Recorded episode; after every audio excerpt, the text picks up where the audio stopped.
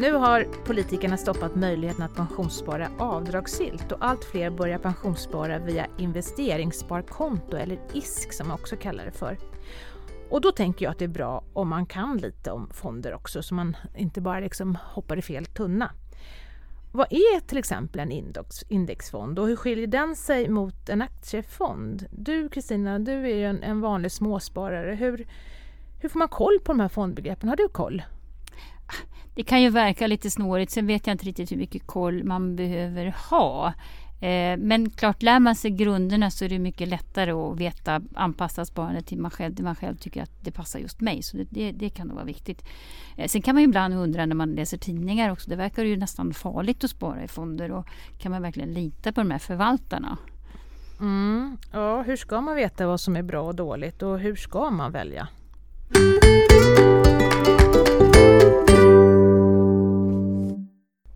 Hej! Välkommen till Min Pensionspodden.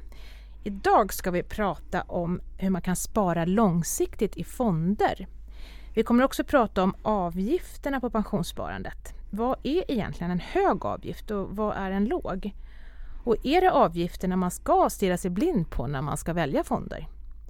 Gäst i studion idag är Aron Sigblad. Han är fondredaktör på Aktiespararna. Välkommen till oss. Tusen tack för det. Jättekul att vara här. Ja, kul att du kan vara med. Berätta gärna lite grann om dig själv.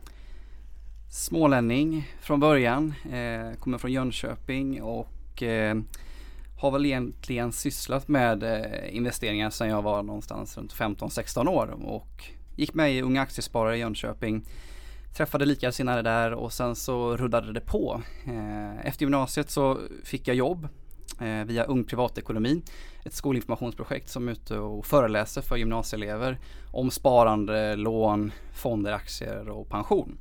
Och eh, efter ett tag där så, så fick jag jobb här uppe i Stockholm och började jobba på redaktionen på aktiespararna.se och där var jag ett par år och sen för lite drygt två och ett halvt år sedan så började jag jobba på Aktiespararen som redaktör, närmare bestämt, eh, bestämt fondredaktör. Ja. Så du är van för att prata med, nov med noviser då, då, som liksom inte har så mycket koll? ja, det händer en och annan gång. Mm. mm. Bra. Ja, det är ju mycket begrepp som man ska hålla koll på om man ska spara i fonder. Har du några bra tips till oss småsparare som gör livet lite enklare? Behöver vi veta vad en blandfond är egentligen när vi går in på marknaden? Ja, just specifikt blandfond vet jag inte men som med allt annat, det, det, det, det går aldrig att vara en fullärd expert från, från dag ett oavsett vad man, vad man sysslar med. Men ju mer kunskap man samlar på sig desto mer kommer det ekonomiska självförtroendet att öka och på det sättet så kommer också de egna besluten istället för att man kanske lyssnar på en kollega eller en kompis när det kommer till vad man ska investera i för någonting. Men en bra början är ju som alltid att göra det enkelt för sig. Att man köper det man förstår, man sprider sina risker och så sparar man långsiktigt så tror jag att det kommer att gå ganska bra. Och ett litet tips är hur man ska börja komma igång. Det är mm. att man kanske går en kurs hos Aktiespararna eller Unga Aktiesparare eh, om man har åldern inne för det. Där träffar man likasinnade och det gör startsträckan betydligt mycket kortare. Det har jag själv erfarenhet av. Mm. Du säger åldern inne, vad är det för åldersgräns på den? Är det 16? Upp till 29 år Aha, får det vara. Sen ja. så hamnar du hos oss på Aktiespararna. om, man, om man då blir intresserad av det här, vad får man reda på mer information? Har ni på hemsidan? Ja, precis. Det går att läsa på Aktiespararna. Och det är hela landet Man behöver inte åka till Stockholm utan det finns Det finns utbildningar både centralt som arrangeras men också lokalt över hela landet. Ja. Om jag börjar lära mig pensionen då? Mm. då är det kört. kan jag lära mig något då med? jag kan säga som så här att på våra träffar så, så är det eh, Just hos Aktiespararna i alla fall så är det en lite högre medelålder så det är fortfarande många som är hungriga på, på ny information som, som mm. kommer på våra träffar. Mm. Jättekul! Ja, Bra. verkligen. Men åter tillbaka till de här fonderna nu. Hur mycket kategorier finns det egentligen och vilken är den vanligaste fonden som man väljer när man är Ja, eh, det är svårt att svara på exakt eh, hur många kategorier det finns men vi kan ju försöka bryta ner det här ja. lite grann. Eh, och då kan vi börja med de vanligaste liksom, kategorierna. Då har vi aktiefonder som innebär hög risk, hög möjlig avkastning. Därefter har vi räntefonder som innebär låg risk, låg möjlig avkastning och därefter en blandning mellan de här som är en blandfond som du var inne på tidigare. Mm. Som är en blandning mellan aktier och, och räntor. Eh, men det här är ju såklart en väldigt, väldigt grov förenkling när man pratar kategorier. Sen så kan man ju dela upp det här ännu mer och eh, ni kanske har sett den här ganska berömda risktermometern eh, eh när man går högst upp från branschfonder ända ner till, till penningmarknadsfonder.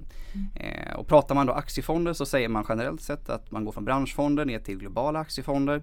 Sen har vi blandfonder och därifrån så går vi vidare till obligationsfonder och penningmarknadsfonder. Mm. Eh, sen så går det att bryta ner det här ytterligare ett steg och tittar man på Citywire som är en fondförvaltardatabas som har otroligt mycket information om, om fonder runt om i världen så, så utvärderar de ungefär 175 stycken olika fondkategorier. Oj, oj, oj. Ja. Och då förstår man verkligen hur bred fondmarknaden är, hur otroligt många nischer det finns både inom aktiefondskategorin, blandfondskategorin, räntefonder, du har mm. alternativa mm. investeringar och så vidare. Mm. Men man kanske inte behöver lära sig här på en, på en gång då. Det är det du säger, man kan ta det lite lugnt i början. Jag behöver inte veta vilken 175 kategori jag ska ha. Exakt, Nej, men jag tycker gör ja. det enkelt för dig, ja. köp det du, du förstår. Så, så kommer man komma ganska långt. Men om jag vänder på det då, vad, vad, vad, du som träffar ändå ganska många fondsparare och blivande fondsparare, vad brukar vara svårt att liksom förstå? Vad, vad är det man hakar upp sig på? Um, ja, jag tror många har lite bråttom med att, att komma igång med sitt sparande. Man, man, är, man är lite otålig, man tycker att man vill ha mm. resultat på en gång. Men det är ofta just då som man kan gå i fällan och, och mm. ta för stora risker i sitt sparande. Jag tycker tvärtom. Låt det ta lite tid, ha inte bråttom. Tråkigt är ofta bäst om man mm. pratar om sparande. Så låt det ta tid så kommer du inte, så kommer du inte att, att bränna dig. Och framförallt så är det här viktigt om man inte är van sedan tidigare att vara med eh, och placera sina pengar eller vara med på, på sparmarknaden. Eh, ett annat grundtips då till de som sparar på riktigt lång sikt, till exempel till pensionen, mm. det är att man inte ska vara rädd för risk. Och det går ju kanske lite då mm. emot det som jag precis sa här, men man måste ta det försiktigt, ta det lugnt. Men jag tycker att om man har ett sparande som sträcker sig längre än 10 år, då bör man ha aktier i portföljen. Annars kommer sparandet till pensioner till exempel att, att bli lidande. Mm. Det blir risk, mm. risken blir, blir så låg, men för, för låg risk. Det är inte risk för halka vi pratar om utan det är lite, det är lite mm. chans också. Ja, mm. nej men på, på sånt här mm. långsiktigt sparande som vi pratar om så, så tycker jag att man ska ha lite mer risk i portföljen. Annars så kommer pensionen att bli betydligt sämre än vad man kanske hade, hade hoppats på. Vi kan ta ett exempel här. Mm. Eh, en krona som investerades på aktiemarknaden 1946 den är idag värd 6018 kronor. Oj. Hade man då istället investerat 1000 kronor 46 mm. så hade den här summan varit uppe i 6 miljoner 18 000 mm. kronor och man hade med god marginal varit miljonär. Mm. Och jag tror att det är ganska lätt att, att glömma bort just i det här marknadsklimatet som vi har nu som är extremt kortsiktigt med centralbankerna, cirkus och allt vad mm. det innebär. Vi har ett val idag faktiskt nu när vi spelar in mm. eh, borta i USA som är väldigt, väldigt viktigt eh, och så vidare. Så att långsiktighet så, så har det gått ganska bra. För den som har varit långsiktig så har det gått ganska bra trots allt. Även om det har varit eh, stora svängningar längs med vägen mm. för, för aktiespararen. Mm. Sen ser det där med avgifterna också. Då, då. Jag eh, läste i Dagens Nyheter, eller Dagens Industri var det förresten, eh, för en tid sedan att de hade granskat pensionssystemet och upptäckt att pensionsspararna bjuder sina förvaltare på nästan 9 miljarder kronor varje år. Det tycker jag låter jättemycket. Stämmer det? Jag har lite svårt eh, att säga det i och med att jag inte, det är inte jag som har gjort den här granskningen. Eh, eh, men, men, givet, eh, som jag tycker, hur eftersatt det svenska pensionssystemet är där det finns väldigt märkliga intressekonflikter där, där det finns incitament för rådgivare att, att tipsa sparare om fonder som ger dem höga kickbacks och mm. det finns eh, inlåsningseffekter genom extremt höga flyttavgifter och så vidare. Det är ett eftersatt system. Så jag är egentligen inte förvånad eh, att Dagens Industri kommer fram till just detta men samtidigt så är det klart att det är upprörande. Absolut. Ja, eller ja, jag vet inte hur man ska säga det. Det kanske är så att att fondbolagen måste ju också leva liksom. Någon ska ju sköta dem där. Jag vet inte. Men det låter väldigt mycket, 9 miljarder. Mm. Eh, men alltså om man tänker då på spar, mitt sparande är 9 miljarder, jag behöver inte betala 9 miljarder. Hur, hur påverkar liksom... det är för dig! Ja, eller hur? hur, stor, alltså om jag har, hur ska jag tänka liksom? Om jag har en, en fond som har 2% i avgift då? Är det mycket? Eller, mm. eller är det liksom, ska jag tänka att, ska jag stirra mig blind på det här med avgifter? Ska jag tänka att nej, men det är bättre att ha Din fråga är alltså hur 0%. stor betydelse som avgiften har mm. för ja, sparandet på, på lång sikt Ja. ja men på lite kortare sikt så, så är väl betydelsen lite mindre för hur pass bra det totala sparandet blir. Men desto längre du sparar desto mer märkbar kommer avgiften att, att vara. Mm. Och pratar vi på riktigt lång sikt, jag menar många sparar till sin pension på kanske 30-40 år eh, så kan man gå in på Pensionsmyndigheten som har gjort en jättebra grej. Man har tagit fram en avgiftssnurra där eh, för den som vill kolla hur avgiften blir. Mm. Och, och, om man tittar in i framtiden, vi kan ju bara tro vad avkastningen blir. Det kan vi ju aldrig veta säkert. Avgifterna däremot, de är ju lite mer konstanta mm. så som de är. Eh, och tittar man då på en avgift som ligger på 1,5% eh, i snitt och så sparar man då i 40 år så raderar det lite drygt 45% av, av den totala pensionen. Alltså nästan hälften av pensionen försvinner i avgifter. Eh, och det här kan man då jämföra mot, mot den avgift som den genomsnittliga pensionsspararen har som ligger på 0,32% Då försvinner bara 12% Så det är klart att på lång sikt så blir avgiften väldigt, väldigt viktig. Oh. Och det är premiepensionen vi pratar om då, för inkomstpensionen lever ju ett eget liv. Ja, eh, men, men man kunde ju ha pratat, alltså borde man inte prata om avgifter kontra vad som är rimlig värdeutveckling också tänker jag ibland. För att jag menar, nu, räntefonder har vi pratat om, även penningmarknadsfonder som ju då nästan är som ett banksparande. Det är liksom ingen stor risk i det där och inte så stor möjlighet till värdeutveckling heller. I synnerhet inte nu när vi liksom har minusräntor. Eh, och då undrar jag, även om då avgiften på pappret ser väldigt låg ut, du kanske betalar 0,1 procent i, i, avgift på kapitalet, men chansen att få någon värdeutveckling ligger ungefär på samma nivå. Mm. Eh, då är ju det ett ganska dyrt sparande, är det inte?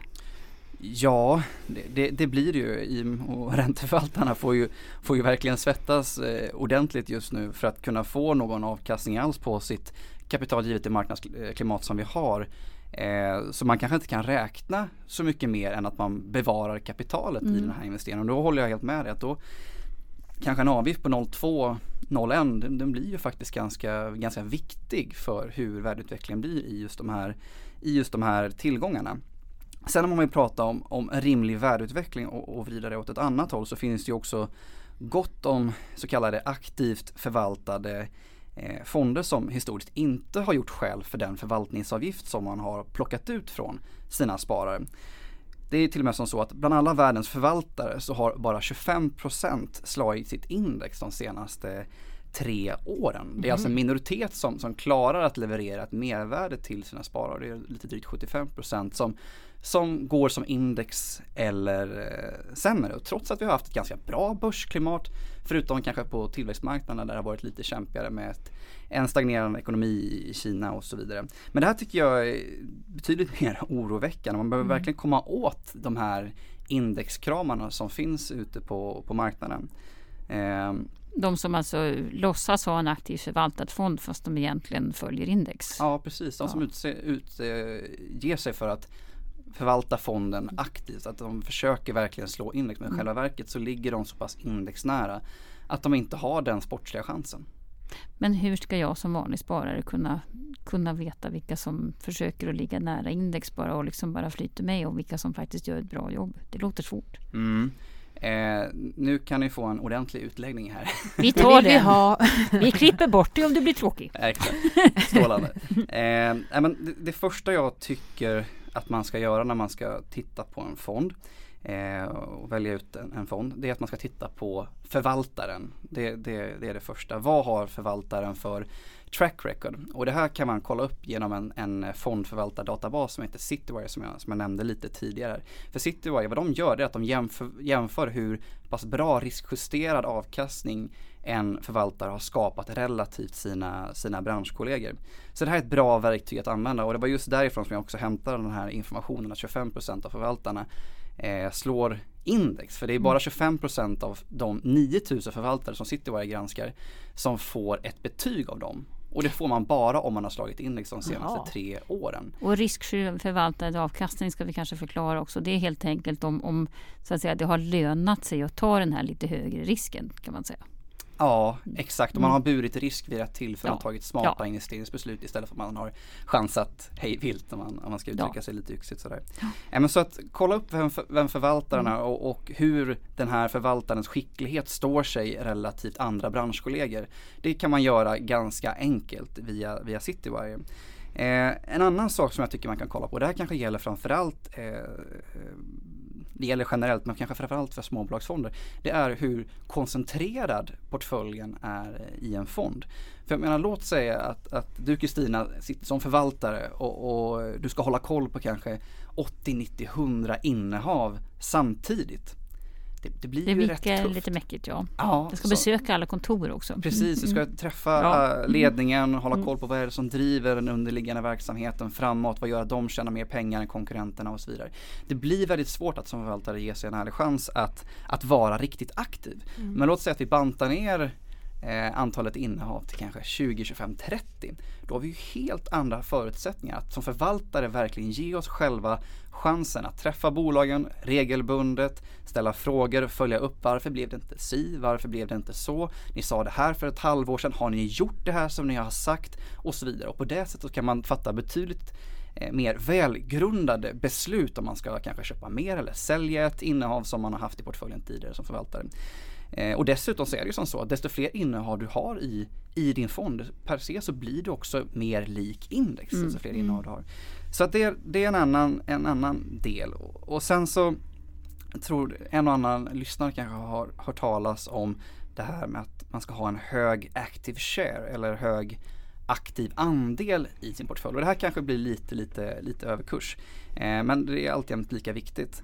Och det här handlar alltså om, om innehaven. Vilka innehav finns i fonden och vilka innehav finns i index? Jag menar låt säga att, att de är konstruerade på ett exakt samma sätt. Vi har 100 innehav i fonden som är exakt identiska med innehaven som finns i index. Då är det kört. Ja, då, då, då kommer de ju utvecklas exakt Ja. likadant. Går index upp 10% så kommer fonden gå upp 10% minus den avgiften som du betalar. Då är jag garanterat blåst. Ja, då, då kommer typ. du inte kunna få någonting annat än Nej. en dold indexförvaltning. Men desto högre den här aktiva andelen är, alltså att dina innehav eller fondens innehav avviker från innehaven i index så kommer fonden också ha en sportslig chans att, att vara annorlunda. Det spelar ingen roll hur duktig förvaltare du än har som sitter bakom spakarna. Har du inte rätt f- grundförutsättningar så kommer du inte kunna utöva ditt aktiva man- mandat. Så en hög active share eller hög aktiv andel eh, är en grundförutsättning för att bedriva aktiv förvaltning enligt mig. Men det blir också så att jag då som fondsparare måste vara ganska aktiv själv kan man säga för att jag måste ha koll på alltihop där. Ja, eh, Ja, lite kunnig måste man om, man ska väl, om, man, om det nu är aktiv förvaltning man vill ha Ja. i sitt sparande så, så räcker det inte menar jag med att bara välja någon fond kanske utifrån ja, ni har säkert sett Morningstars stjärnor. Och Jag tror många sparare tittar just på de här stjärnorna för att man har, man har någon slags tillit till dem. De har varit med, det är ett vedertaget mått och så vidare i, i branschen. Eh, men vad de här stjärnorna säger det är ju egentligen hur har fonden gått historiskt fram till idag. Det finns ingen framåtblickande information som är inbakad i de här stjärnorna. Så att jag menar, och det finns till och med forskning som visar att en fond som har, som har fått fem stjärnor har lika god möjlighet att slå ett index som en fond som har två eller tre stjärnor. Och jag menar, hur ska vi kunna välja fond då? Det blir väldigt, väldigt svårt. Så där, därför menar jag att då måste man också lägga till andra värden i sin, i sin analys. Men däremot är man intresserad av att jag vill, jag vill få del av marknadens utveckling. Då tycker jag satsa på en indexfond istället och köp ett par olika indexfonder på ett antal olika marknader och sprid riskerna. För på 40 år så är det väldigt svårt att kunna peka ut just den där fonden som kommer att gå bättre än marknaden i 40 år. Det, det är ganska tufft. Mm. Då måste jag vara intresserad. Ja. ja. Så är det. Jag tänker, jag har hört talas om någonting som heter Normanbeloppet. Mm. Det var väl vår förra finansmarknadsminister som fick sätta sitt namn på det beloppet. Jag vet inte om det var han som räknade fram hur man skulle göra också. Men, men hur funkar det? Vad, vad visar det? Eh, Ja men det är ju specifikt om vi pratar avgifter så finns det ett nyckeltal eh, som kan hjälpa till att skapa en bättre överblicksbild vad en fond kostar i, i kronor. Eh, och det här Normanbeloppet och det, det är ju döpt efter vår, vår tidigare finansmarknadsminister Peter, Peter Norman. Mm. Och det gör, Eh, eller vad Normanbeloppet gör är att det räknar ut vad de totala avgifterna i en fond blir om man månadssparar 1000 kronor i, över i, i tio års tid. Eh, och resultatet av den här prognosen visar ju då vad de totala avgifterna blir inklusive den, avgift, eller den avkastning som har gått förlorad just till följd av den avgiften som man har betalat som, som sparare. Så beräkningen visar alltså på ett ungefär hur mycket avgifterna kan uppgå till i, i kronor. På så vis så blir det mycket tydligare för, för dig som sparare eh, hur pass viktiga avgifterna är eh, för, för mm. den här fonden. Och eh, generellt så kan man väl säga att man, man ska ju försöka hålla nere det här Norman-beloppet. Det är ju bättre med, mm. med ett lågt belopp än, än ett eh, alldeles för högt belopp. Men samtidigt så ska man ju också komma ihåg att Norman-beloppet inte säger något om hur bra fonden har varit på att skapa avkastning.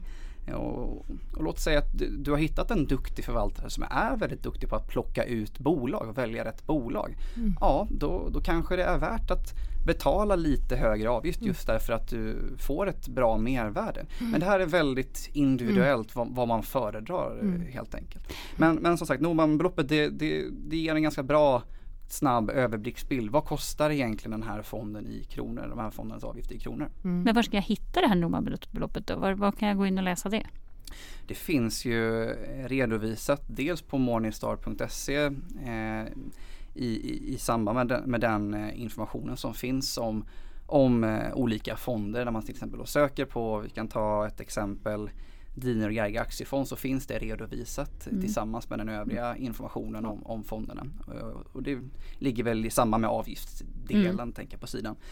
Jag tror också att Avanza och Nordnet också ja. redovisar det här. Så man kan gå in och leta där man har sina pengar så kanske de faktiskt ja. redovisar några. Det, för det, det är faktiskt en kul jämförelse. Absolut. Mm. När vi ändå pratar nu om avgifter och sådär så tänkte jag bara, ni när jag två experter här.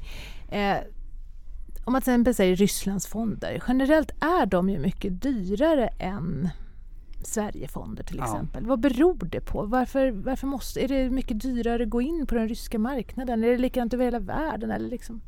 Ja, nej det, det, är inte likadant över hela världen men, men det är ju det är lite knepigt det där. Eh, men som du sa där, i Sverige är ju fondbolagen ganska skonade från, från merkostnader. Men, men så fort man börjar handla utanför de svenska gränserna så så gäller ganska snabbt också andra typer av regelverk. Och det kan ju vara allt ifrån källskatter, spread, alltså skillnaden i köp och säljkurs, valuta, växlingskostnader, andra kostnader som ligger utanför förvaltningsavgiften som, som transaktionsavgifter och, och, och sådana här saker. Mm. Så att sammanfattningsvis så kan man väl säga att driften generellt sett av utländska fonder är dyrare än vad driften är av, av svenska fonder. Sen så kan det också vara som så att man är Låt säga att man, att man investerar i en fond som eh, har specialiserat sig mot nya tillväxtmarknader som är ganska exotiska för oss mm. sparare i Sverige.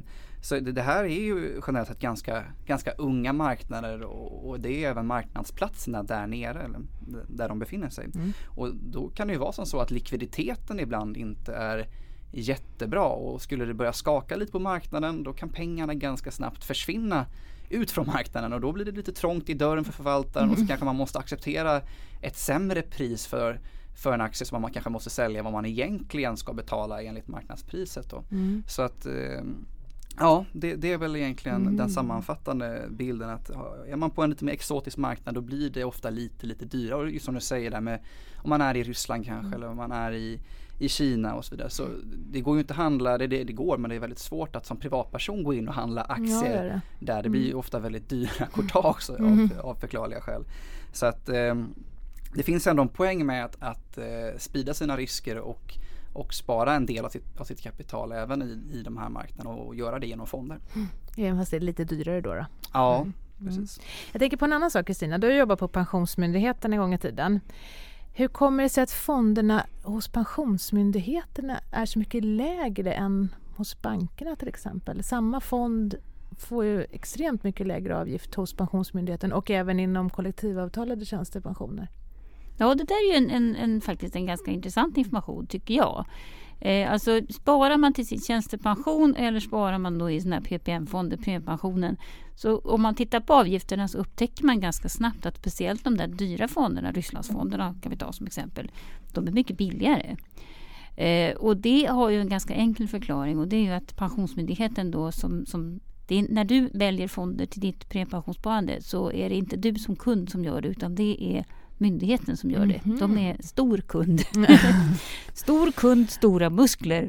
Då kan den stora kunden säga vi vill ha billigare avgifter. Så de gör det. Det är lite piska alltså? Det är lite piska. Mm. Eh, men det är också så att fondbolagen gör en bra affär. För att jag menar om de får in väldigt mycket pengar då, så, så tjänar ju de på det också. Så Ja, det, det är nog ingen som mår illa av det där. Eh, så det är väl bra att man kan pressa priserna på det sättet. Och man kan säga att generellt sett både fonderna i premiepensionen och många tjänstepensioner eh, där kan man nog säga att det är halva priset på fonder. Men om man är lite smart om man vill ha en dyr Rysslandsfond, är det inte ganska smart att ta den via premiepensions premiepensionssystemet då? Ja, vad säger du Aron? Är det ett Ja, bra det, tips? det tycker jag är en jättebra Ja, idé. För, för den rabatt avgiften kan ju liksom. avskräcka lite annars. Ja. Att, man, att man väljer bort en kanske lite mer exotisk marknad. Men Ja. premiepensionen är ju faktiskt en inkörsport till att faktiskt ta Våga. lite mer risk. Och just för att, därför att du har den här väldigt långa sparhorisonten också så har du ju tiden med på din sida så att säga. Mm. Så där tycker jag absolut att man kan eh, tänka lite utanför boxen och, och, och ta på sig lite mer risken än vad man kanske annars eh, skulle, skulle ha haft. Mm. Jag tycker vi kan tipsa också om att eh, det finns ganska bra information, inte minst faktiskt på, på eh, Pensionsmyndighetens sida där man har sina premiepensionsfonder och där man byter också. Att där kan man faktiskt se hur mycket mer avkastning man får just för att priset är lägre. Mm. Och det är ganska spännande information. Mm. Det kan bli mycket pengar där. Absolut. Speciellt på lång tid. Det där var ju ett tips. Hur kan vi annars summera det här, det här eh, som jag pratat om nu då?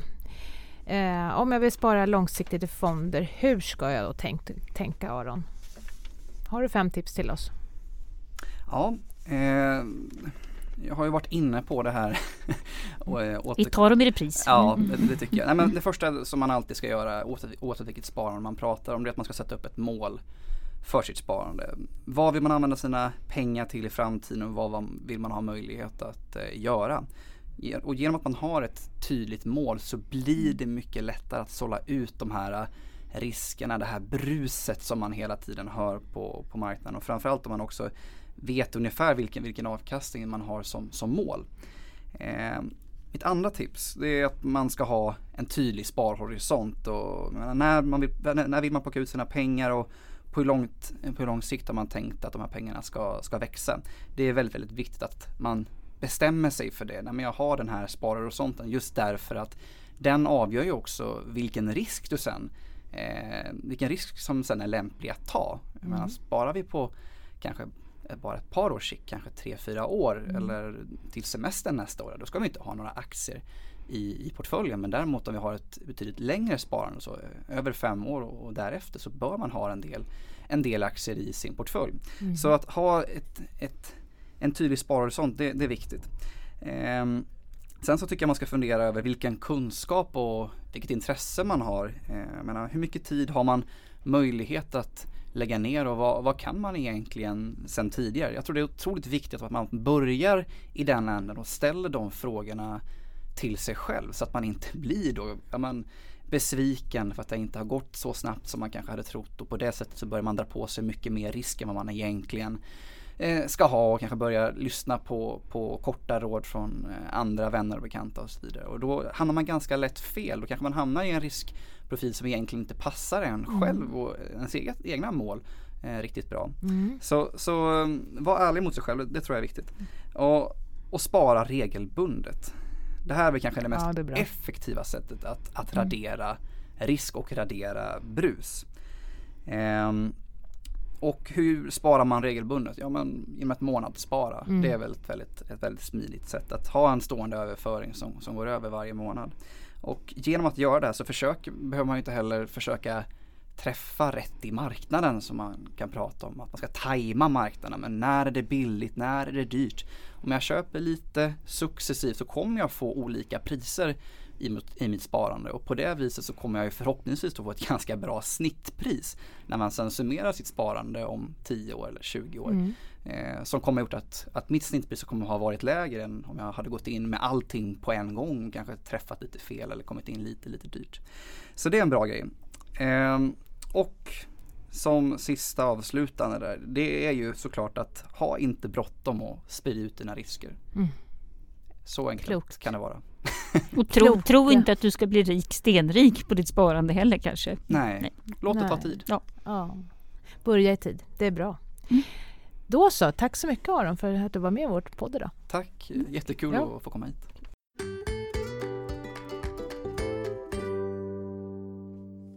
Vi har fått en fråga från en 33-årig lyssnare som har börjat pensionsspara i just den ISK som jag pratat om i det här programmet.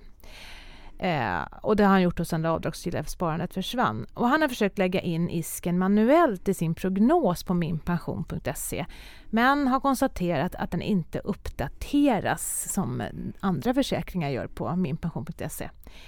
Hur ska man då göra med ISKen, Kristina? Ja, det där är inte en helt lätt fråga att svara på faktiskt. Vi kan börja med att det finns alltså inte längre något öronmärkt eget pensionssparande för dig som är vanlig löntagare. Du kan möjligen spara om du är egenföretagare eller inte har tjänstepension. Men annars så får man inte spara avdragsgillt längre. Eh, och då betyder det att man, man liksom inte vet riktigt vad det är man sparar till. Och det vet ju inte vi som gör prognoserna heller. Men många känner ju ändå att ja, men de där extra pengarna i isken, de kanske ska gå till pensionen. Alltså man, man vet det själv. Men man kan ju faktiskt nalla i påsen när man har lust. Avdragsgilla sparandet det hade ju en lägsta ålder på 55 år men här finns det ju inga sådana åldersgränser längre. Ja, och så vill jag också veta hur, hur liksom hur, vad, vad händer om jag sparar en tusenlapp i månaden? Liksom, på vilket sätt påverkar min pension? Mm. Så jag förstår ju att man kan bli sugen på att lägga in det här i sin pensionsprognos. Eh, men då gäller det verkligen att tänka på vad man gör. Alltså man kan lägga in egna siffror i pensionsprognosen men då måste man, precis som den här killen har upptäckt redan, man måste ju uppdatera själv när det händer någonting. Sånt som bolagen och Pensionsmyndigheten levererar in, till, levererar in till Pensionsmyndigheten, det uppdateras automatiskt via deras mm. system. Men det du har skrivit in själv manuellt för handen, där händer ju ingenting. Och det händer ju inte heller någonting om du plockar ut pengarna. Det vet ju inte, det vet ju inte liksom vårt verktyg. Nej. Eh, så att man ska nog vara lite försiktig med att lägga in de här pengarna eh, och verkligen veta vad man gör. Sen hoppas vi väl att vi så småningom hittar på bättre verktyg själva för att jag kan också förstå att när den här typen av, den gamla avdragsgilla sparandet försvann så behöver det ersättas av någonting annat och många förstår ju, eller tycker att de behöver ha ett eget sparande till mm. pension. Och såklart vill man kunna räkna med det i prognosen så jag förstår ju, det blir lite man får ha lite tålamod där också. Ja, där också. Ha tålamod. Det är dagens devis. Ja, verkligen. ja. Ja, det här är då en podd som görs av den oberoende pensionsportalen minpension.se där du kan se hela din pension och göra pensionsprognoser. Vi kommer lägga dagens tips på vår blogg som heter bloggminpension.se. Och vi som har gjort podden idag det är jag själv, Maria Eklund och jag är kommunikationsansvarig på minpension.se. Och sen är det Kristina Kamp som är vår pensionsekonom och dagens gäst var Aron Sigblad, fondredaktör hos Aktiespararna. Du hittar också oss också på Twitter och Facebook och glöm inte bort att prenumerera på podden så att du inte, då får du alla dina nya avsnitt direkt in i telefonen. Skicka gärna frågor och annat till podd.minpension.se. Vi vill ha mycket feedback, både ris och ros. Tack för idag. Mm. Hej då! Hej då!